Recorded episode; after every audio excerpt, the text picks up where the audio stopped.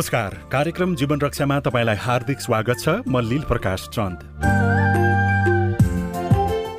सामाजिक शैक्षिक व्यावसायिक गतिविधि स्वास्थ्य र सावधानीका बारेमा मुख्यतः यो कार्यक्रम हामी छलफल गर्छौं। सामुदायिक रेडियो प्रसारक संघ अकुराबद्वारा सञ्चालित सिआइएनको प्रस्तुति यो हो कार्यक्रम जीवन रक्षा। कार्यक्रम जीवन रक्षा सिआइएन मार्फत मुलुकभरका सामुदायिक रेडियो वेबसाइट सिआइएन खबर dot com Facebook page CIN खबर सिआइएन साझा खबर मोबाइल एप सिआइएनबाट पनि तपाईँ सुनिरहनु भएको छ।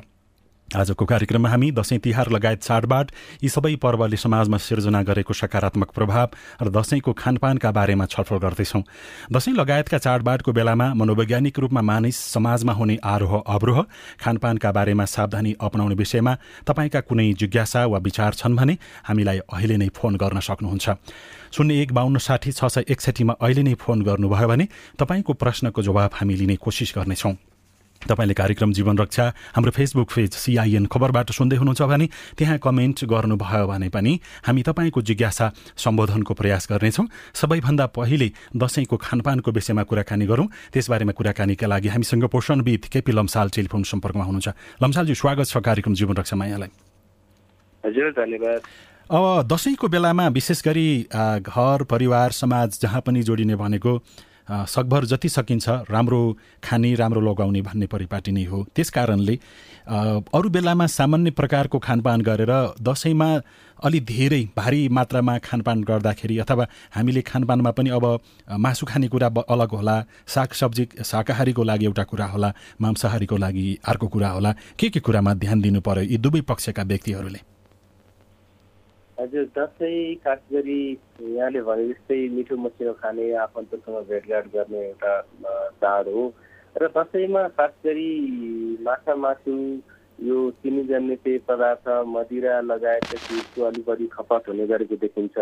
र माछा मासुको सवालमा चाहिँ ख्याल नपुर्याउँदाखेरि धेरैजनाले स्वास्थ्य समस्या भोगिराखेको हामी बढी पाउन सक्छौँ। खास गरी दसैँमा मासुको खपत बढी हुने हुँदा समग्रमा एउटा सरकारी तथ्याङ्कले के देखाउँछ भने समग्रमा वर्षभरि हुने मासु खपतको करिब करिब सत्ताइस प्रतिशत चाहिँ दसैँमा मात्रै हामी खपत गर्दो रहेछौँ। भनेपछि एकदम धेरै मासु को उपभोग गर्ने त्यो सँगसँगै मदिरा अथवा चाहिँ यो चिसो कोल्ड ड्रिङ्क खाने भन्छ नि चिनीजन्य पेय पदार्थहरू कार्बोनेटेड बेभरेजहरू खाने जसले गर्दा चाहिँ स्वास्थ्यलाई ख्याल पुऱ्याएन भने समस्या हुने गरेको देखिन्छ।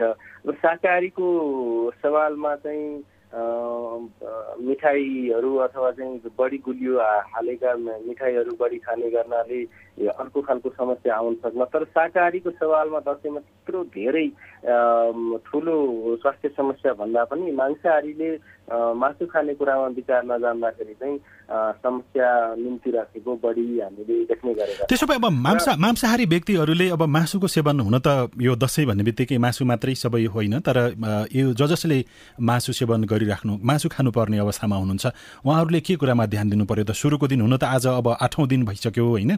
आठौँ दिनमा आउँदाखेरि खानुपर्ने मात्रा अथवा नौ दिनमा दसौँ दिनमा अथवा एघारौँ दिनसम्म पुग्दाखेरि मात्रा कसरी मिलाउने? त्यसबारेमा जानकारी दिनुहोस्। हजुर।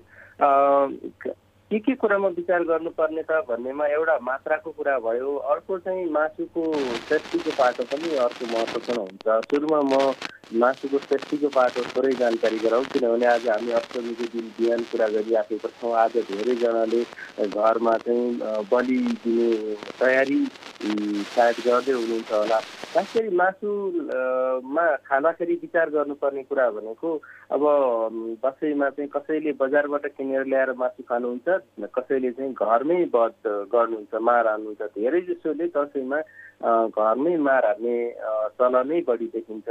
त्यो भएको हुनाले मार हाल्नुभन्दा अगाडि पनि पशुको स्वास्थ्यको विषयमा जानकार हुनुपर्ने हुन्छ। किनभने रोगी पशु अथवा सङ्क्रमित भएको पशु छ भने त्यसबाट चाहिँ पशुमा भएका रोगहरू पनि खास गरी यो छाया रोग पटके रोग होइन फिटे किरा सिस लगायतका समस्याहरू चाहिँ मान्छेमा पनि सर्न सक्छन्। त्यो भएको हुनाले वध गर्नुभन्दा अगाडि पशुका सामान्य लक्षणहरू आज जसले सुनिरहनु भएको छ एकछिन पछाडि वध गर्ने तयारी धेरै जसोको हुनसक्छ। यदि त्यो पशुको शरीरका जोर्नीहरू बढेको सुनिएको छ पेट कल्चाउनु सुनिएको अवस्थामा छ बङ्गरा सुनिएको छ भने त्यो पशुमा कुनै खालको सङ्क्रमण अथवा स्वास्थ्य समस्या भएको हुनाले त्यो मासुको लागि उपयुक्त हुँदैन। पर्खाल ठोक्ने सिङले पर्खाल ठोक्ने अथवा चाहिँ पुच्छर आफ्नो पुच्छर पेटतिर हेरेर चाहिँ घुमिरहने खालको लक्षण देखिएको पशु छ घुम्ने रोग भन्छ त्यसलाई होइन? आँखा सुनिएको छ पेट फुलेको जस्तो छ भने कानबाट नाकबाट गुद्वारबाट चाहिँ फोहोर एकदम निस्किराखेको छ अथवा पखाला लागेको छ गनाउने खालको तरल पदार्थहरू निस्किराखेको छ भने त्यस्तो पशु चाहिँ त्यो रोग निको नहुन्जेलसम्म मासुको लागि उपयुक्त हुँदैन किनभने त्यो चाहिँ उसमा रहेको सङ्क्रमण अथवा रोग चाहिँ मान्छेमा पनि सार्न सक्ने जोखिम हुन्छ। त्यो भएको हुनाले पशु वध गर्नुभन्दा अगाडि यी कुराहरू विचार गर्नु पर्यो वध गर्दाखेरि वध गर्ने ठाउँको सरसफाइ काट्ने हतियारमा चिया लागेको छ कि छैन सफा गर्नु पर्यो अब यो रौँ खुइलाउनको लागि चाहिँ मटी तेल हालेर जलाउने चलन गाउँठाउँमा देखिन्छ। त्यो स्वास्थ्यको लागि अत्यन्तै हानिकारक हुन्छ। त्यस्तो कुराहरूमा विचार पुर्याउनु पर्यो भनेपछि अब यो चाहिँ वध गर्नुभन्दा अगाडिको विचार गर्नुपर्ने कुरा हो भने वध गरिसके पछाडि जुन तपाईँले मात्राको कुरा गर्नुभयो अथवा अपनाउनु पर्ने अरू सावधानीको कुरा गर्नुभयो मात्राको सवालमा चाहिँ कस्तो हुन्छ भने आफ्नो शरीरको अवस्था कस्तो छ उमेर समूह अनुसार पनि यो फरक पर्छ।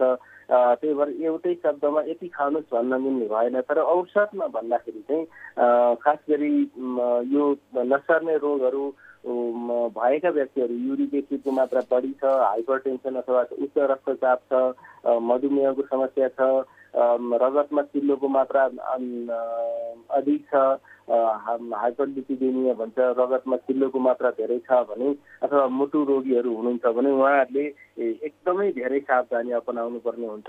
मासुको मासु अथवा चाहिँ यो चाहिँ गुल्लु पदार्थहरू खाने सवालमा जो जसको शरीर स्वस्थ छ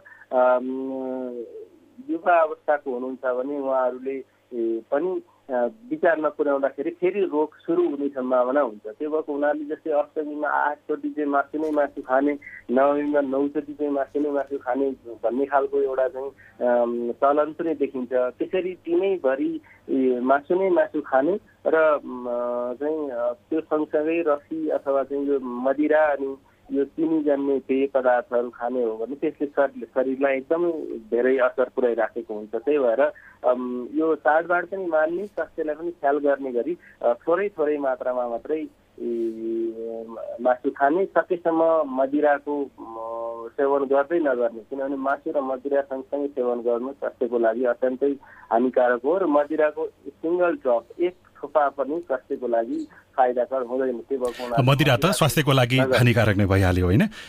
धेरै धन्यवाद छ यहाँले जुन जानकारी दिनुभयो समयको लागि र यहाँ संवादको लागि। धेरै धन्यवाद छ यहाँलाई। पोषणविद केपी लम्साल हुनुहुन्थ्यो। अब हामी दसैँ तिहार लगायत चाडबाड यी सबै पर्वले समाजमा सिर्जना गरेको सकारात्मक प्रभाव र थप हामीले मनोवैज्ञानिक रूपमा हामीले कसरी चाडपर्वलाई जोड्न सक्छौँ भन्ने बारेमा कुराकानी गर्न तर्फ लाग्छौँ। हामीसँग कुराकानीका लागि सडक आश्रित मानव मुक्त अभियान नेपालका अध्यक्ष तथा मनोविद पदम प्रसाद घिमिरे स्टुडियोमा हुनुहुन्छ। यहाँलाई हार्दिक स्वागत छ कार्यक्रममा। हजुर नमस्कार धन्यवाद। विशेष गरी हामी दसैँको यो रमझममा छौँ। अब अरू हाम्रा चाडबाडहरू पनि नजिकिराखेका छन्। तिहार छठ लगायत। यो चाडबाड ल चाडबाडले समाजमा सकारात्मक अथवा नकारात्मक कस्तो प्रभाव राख्छ? मनोवैज्ञानिक रूपमा नागरिकलाई स्वस्थ राख्नको लागि यसको प्रभाव कस्तो रहन्छ? त्यहीँबाट अगाडि बढौँ। धन्यवाद। वास्तवमा हाम्रो चाडबाड हरू सबै मनोवैज्ञानिक रूपमा हामीलाई स्वस्थ बनाउनको लागि नै सिर्जना गरेको हो। र चाडबाड हामीले दसैँलाई हामीले मान्ने हो भने पनि यसलाई पूजाबाट सुरुवात हुन्छ। पूजाले के गर्छ त भन्दाखेरि उत्सव आनन्द दिन्छ। आनन्दले के गर्छ त पुनर्मिलनमा साथ दिन्छ। अहिले हाम्रो पूजा दसैँ पन्ध्र दिनभरि मनाइन्छ। पन्ध्र दिनभरि के हुन्छ त भन्दाखेरि देवी देवताको हामी पूजा गर्छौँ। विभिन्न उत्सवहरू मनाउँछौँ। हाम्रा आफन्तहरूको पुनर्मिलन हुन्छ पुनर्मिलनले के गर्छ त भन्दा आनन्द दिन्छ। त्यो आनन्द नै मनोवैज्ञानिक रूपमा चाहिँ स्वस्थ ल्याउने एउटा माध्यम हो। त्यो सँगसँगै तर फेरि समाजमा हुने खाने र हुँदा खाने व्यक्तिहरूको कारणले गर्दाखेरि समाजमा छरछिमेकमा कोही व्यक्तिले एकदम धेरै अत्यधिक मात्रामा त्यो एउटा बहकाउमा अथवा प्रतिस्पर्धाको हिसाबले त्यो धेरै जति खर्च गर्नुपर्ने थियो धेरै खर्च गरिराखेको स्थिति छ भने त विभिन्न समुदायमा बसोबास गर्ने नागरिकहरूमा त्यसले पक्कै पनि नकारात्मक असर नै पार्छ होला। यसलाई कसरी हेर्न सकिन्छ? एउटा खुसीका दुईवटा माध्यम रहेछन् एउटा आनन्द र सम्पन्नता। हामीले खुसी भनेको चाहिँ वास्तवमा सम्पन्नताबाट पाउँछौँ भन्ने ग्यारेन्टी छैन। थोरै छ थोरैलाई पनि हामी कसरी व्यवस्थापन गर्न सक्छौँ त्यसमा कसरी आनन्द लिन सक्छौँ भन्ने एउटा पाटो छ। भनेको हाम्रो आर्थिक अवस्था कमजोर भए पनि दसैँ तिहार लगायत चाडबाडहरू खुसीका साथ मनाउन मनाउन सकिन्छ। त्यो हाम्रो जस्तो मासु नै खानुपर्छ यो नै गर्नुपर्छ भन्ने हामीले कडा शर्त राख्यौँ भने त्यसले हामीलाई पीडा दिन्छ। त्यसो भए के गर्नु पर्यो त? हामीले आफ्नो जस्तो स्थिति छ हाम्रो क्षमता जति हो त्यो अनुसारको चाडबाडहरू खुसीपूर्वक अथवा खुसीका साथ मनाउनको लागि चाहिँ के के कुरामा ध्यान दिने? हामीले यो चाडबाडको मूल उद्देश्य भनेको पूजा आराधना शान्ति सुव्यवस्थापन हो। यो सँगसँगै हामीले जुन अहिले पछि भित्रिएको जुन मासु खाने रमाइलो गर्ने तडक भडक गर्ने यसले चाहिँ के गर्छ भने देखासेखी र हाम्रो मानसिक रूपमा चाहिँ कमजोर बनाइदिन्छ। ए त्योभन्दा म कमजोर त छु मसँग छैन भनेर चाहिँ अभाव छन त संसारमा सबै कुरा छ। मसँग चाहिँ छैन किन भएन भनेर चाहिँ तनाव ल्याउँछ त्यसो हुनाले मसँग परिवार छ सबैजना मिलेर बसेका छौँ भेटघाट भएको छ हामी गर्न सक्ने क्षमतावान छौँ भनेपछि भाव छ नि त भोलि ल्याउन सक्छौँ। भन्ने त्यो भावना ल्याउन ल्याउनको लागि हामी पुनर्मिलन भएको छौँ। त्यसरी हामीले के गर्न सक्छौँ भन्ने सम्भावनाको खोजी गर्नु चाहिँ मनोवैज्ञानिक रूपमा स्वस्थ हुनु हो। अब अहिले तपाईँले अघि पनि भन्नुभयो कि पूजापाठ र त्यो जुन प्रकारको एउटा भजन कीर्तनदेखि सारा कुराहरू र आशीर्वाद लिनेदेखि दिनेसम्मका कुराहरू पनि दसैँमा चलिराखेको हुन्छ। यो पूजापाठ गर्दाखेरि हुन त यो कतिपयले यसलाई विशुद्ध धार्मिक विषयसँग पनि त्यसरी व्याख्या विश्लेषण गर्न सक्छन् होइन? तर त्यो पूजापाठले जुनसुकै धर्म संस्कृतिको भए पनि यसले एउटा नागरिकलाई मनोवैज्ञानिक रूपमा स्वस्थ राख्नको लागि पूजापाठ आशीर्वाद जति पनि यो म मस्जिद जस्तो मन्दिरहरूमा घन्टहरू बजाउने यो जुन प्रक्रिया अगाडि बढ्छ नि यसले कसरी सहयोग गर्छ? सरी यसले वास्तवमा सहयोग गर्छ। पूजा भनेको के हो त? कुनै पनि एउटा आ शक्तिको आराधना गर्ने बिना शक्ति हामी चल्नै सक्दैनौँ पाइलै चाल्न सक्दैनौँ। त्यसो हुनाले पूजा गरेर म मेरो जीवनको लागि म कति मूल्यवान त छु। आफूभन्दा सक्षम मान्छेलाई हामीले पूजा गरेपछि शक्ति पाएपछि त्यसले हामीलाई शक्तिशाली बनाउँछ। त्यस्तै गरेर मेरो पनि आफ्नो पनि पूजा हुनुपर्छ। म पूजा भनेर भन्छौँ नि त मेरो जीवनमा म कति मूल्यवान छु भनेर जब हामी पूजा गरिन्छ मेरो विशेषताहरू खोज्न थालिन्छ। जब विशेषताहरू खोजिन्छ अनि म जीवनमा किन बाँच्नु पर्छ मेरो मूल्य के रहेछ? म किन यो धरतीमा आएँ? र मैले के गर्नुपर्छ भन्ने एउटा अस्तित्व बोधको विकास गर्छ। त्यसो हुनाले पूजाले चाहिँ हाम्रो अस्तित्व बोध गराउनको लागि सहयोग गर्छ। र सबै धर्मशास्त्रहरूले हाम्रो मानव चोला को कति महत्त्व छ अरू प्राणीको कति महत्त्व छ हामी किन जीवित रहनुपर्छ? र जीवित रहने हो भने सार्थक काम हामीले के गर्नुपर्छ? भन्ने कुरा त्यो बुझ्नुको लागि हामीले पूजाको माध्यमबाट चाहिँ सहयोग हुन्छ। आशीर्वाद लिने र दिने कुराले कतिको अर्थ राख्छ मनोवैज्ञानिक रूपमा? स्वस्थ रहन अथवा नरहनको लागि? आशीर्वादले चाहिँ हामीलाई प्राथमिक उपचारको काम गर्छ। प्राथमिक उपचार भनेको एउटा तयारी हो। ल तिमी किन गर्न सक्दैनौ? आहा म तिमीलाई ठुलो हुनको लागि म वरदान दिन्छु आशीर्वाद दिन्छु भनेपछि उसले मानसिक रूपमा पूर्व तयारी हुन्छ। ए मैले यो आशीर्वाद दिइसकेको छु। मैले आठ भरोसा पा पाएको छु। किन नगर्ने? भनेर एउटा चाहिँ शक्ति एउटा सिर्जना हुन्छ सुरुवातमा। अनि ऊ सकारात्मक कामको लागि हामी प्रेरणा दिन सक्छौँ। र आशीर्वाद भन्ने बित्तिकै नराम्रो कामको लागि दिइँदैन नि त। आशीर्वाद राम्रो कामको लागि समाजमा परिवर्तन गर्नको लागि विकास हुनको लागि दिने हुनाले यसले आशीर्वाद अन्तिम होइन। यो सुरुवाती खुड्किलोको रूपमा हामीले लिनुपर्छ। अब नागरिकले अलिकति जान्ने सु जान्ने सुन्ने अथवा बुझ्ने भएका व्यक्तिहरूले दसैँमा आफ्नो अवस्था जस्तो छ त्यसै अनुसार हामीले गर्नुपर्छ भनेर त्यो प्रकारको नेतृत्वदायी क्षमता त्यो भूमिका निर्वाह गर्न सक्छन् ठुलाबडा मान्छेहरूले होइन? तर अहिले दसैँ तिहार लगायतका चाडपर्वमा हामी ठुला बडा व्यक्ति भन्दा पनि घरमा रहेका बालबालिका अथवा किशोर किशोरीहरूको आवश्यकता उनीहरूको साथी सङ्गतमा भइराखेको एउटा लहलही देखासिकेको कारणले गर्दाखेरि अभिभावकमा एक प्रकारको त्यो चाप पर्न गएको जस्तो महसुस हुन्छ। त्यस कारणले अब यदि बालबालिका घरमा छन् र उनीहरूले अरूको जस्तो खान अरूको जस्तो लगाउन चाहिराखेका छन् आर्थिक स्थितिले त्यो पुगिराखेको स्थिति छैन भने अभिभावकले बालबालिकाहरूलाई कसरी सम्हाल्ने अथवा तपाईँले अघि भने जस्तै हामीसँग जे छ त्यो मासु नै खानुपर्छ भन्ने पनि होइन नि त। हामी जेमा रमाउन सक्छौँ त्यसमा पनि काम गरेर अथवा त्यसमा व्यस्त भएर त्यसमा लागेर पनि खुसी हुन सकिन्छ भन्नुभयो। यसबारेमा अलिकति केही जानकारी दिनु पऱ्यो यहाँले। वास्तवमा अहिलेको हाम्रो पछिल्लो शिक्षा भनेको चाहिँ हामीले प्रतिस्पर्धाको शिक्षा हामीले विद्यालयमा हाम्रा बालबालिकालाई दिएका छौँ।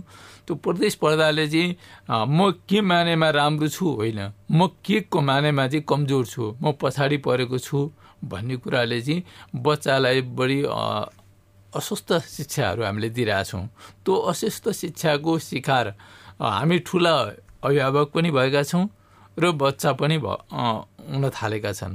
त्यसले गर्दाखेरि चाहिँ उनीहरू के गर्न थालेका छन् भने मेरो बुवा आमा के मानेमा कमजोर? म के मानेमा कमजोर? म हामी किन कमजोर हुन थाल्यौँ यसरी भनेर चाहिँ आफ्नो सफलता होइन असफलताको चाहिँ उनीहरूले गिन्ती गर्न थाल्छ गर्न थाल्छन् त्यसले गर्दाखेरि चाहिँ हाम्रो परिवार हामी यो हामी सबै अस असफलता असफल मान्छे रहेछौँ भन्ने एउटा चाहिँ बुझाइ हुन थाल्छ किनभने एउटा मात्रै पाटोबाट हेर्छन् के हो त भन्दाखेरि नकमाएको भन्नाले पैसाकै कमीले चाहिँ हाम्रो परिवार चाहिँ पछाडि पऱ्यो हामीले मासु खान पाएनौँ त्यो पाएनौँ राम्रो लुगा लगाउन पाएनौँ भन्ने कुराहरूले त्यसरी हेर्दाखेरि चाहिँ हाम्रो बच्चाहरू पनि रेस्टलेस हुने छटपट्टिमा हुने ठुलो मान्छेले पनि मैले बच्चा अरू सर दिन सकिनँ भनेर चाहिँ बुवा आमा पनि छटपट हुने र त्यो त्यसले गर्दाखेरि चाहिँ अहिले सम्पूर्ण परिवारमा ठुलादेखि साना परिवारमा चाहिँ तनावको अवस्था भएको छ।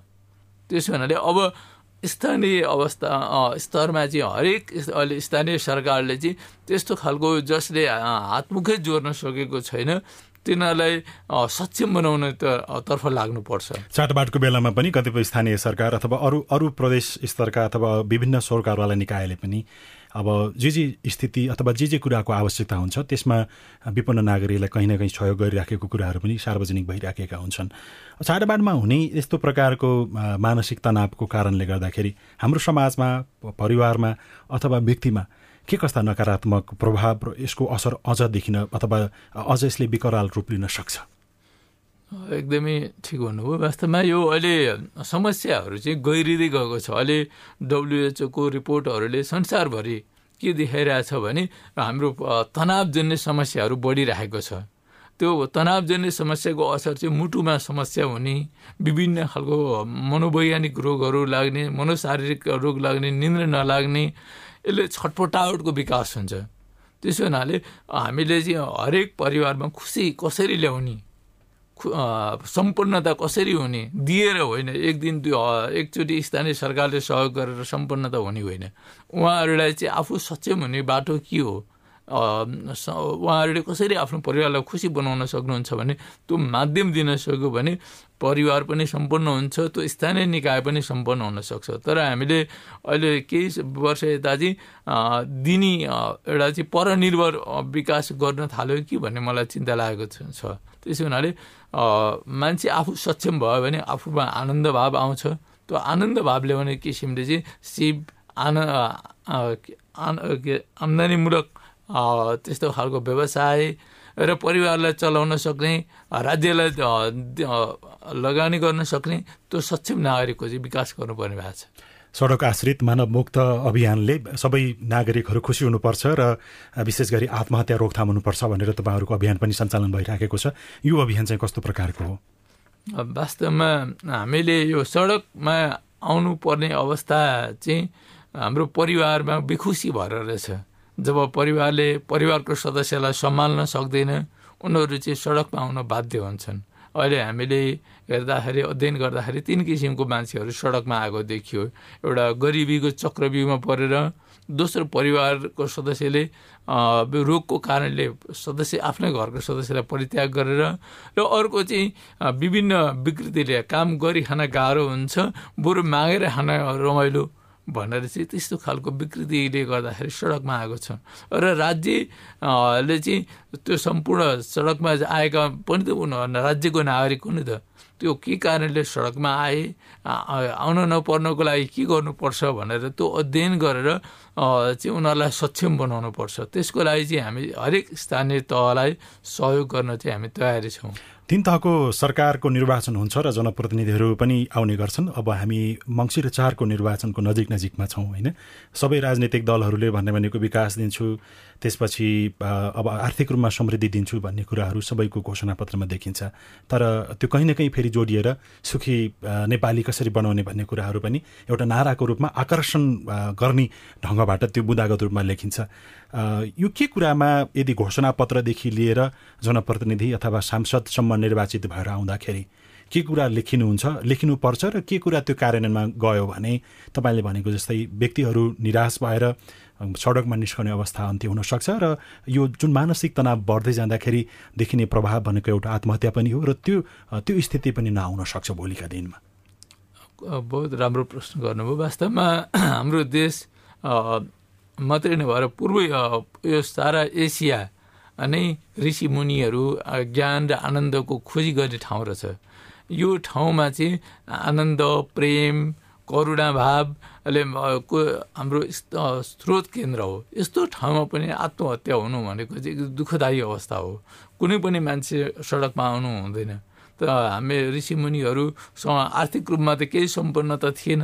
तर उहाँहरूको जीवनको स्तर सोचको स्तर कति उत्कृष्ट खालको थियो। आत्महत्या नै अन्तिम विकल्प होइन। होइन। हामीले अब स्थानीय स्तरमा अब हामी आउँदैछौँ चुनाव आउँदैछ। अब चाहिँ हाम्रा सारा नागरिकले जो आउनुहुन्छ उम्मेदवार भनेर उहाँहरूलाई प्रश्न गर्नुपर्छ।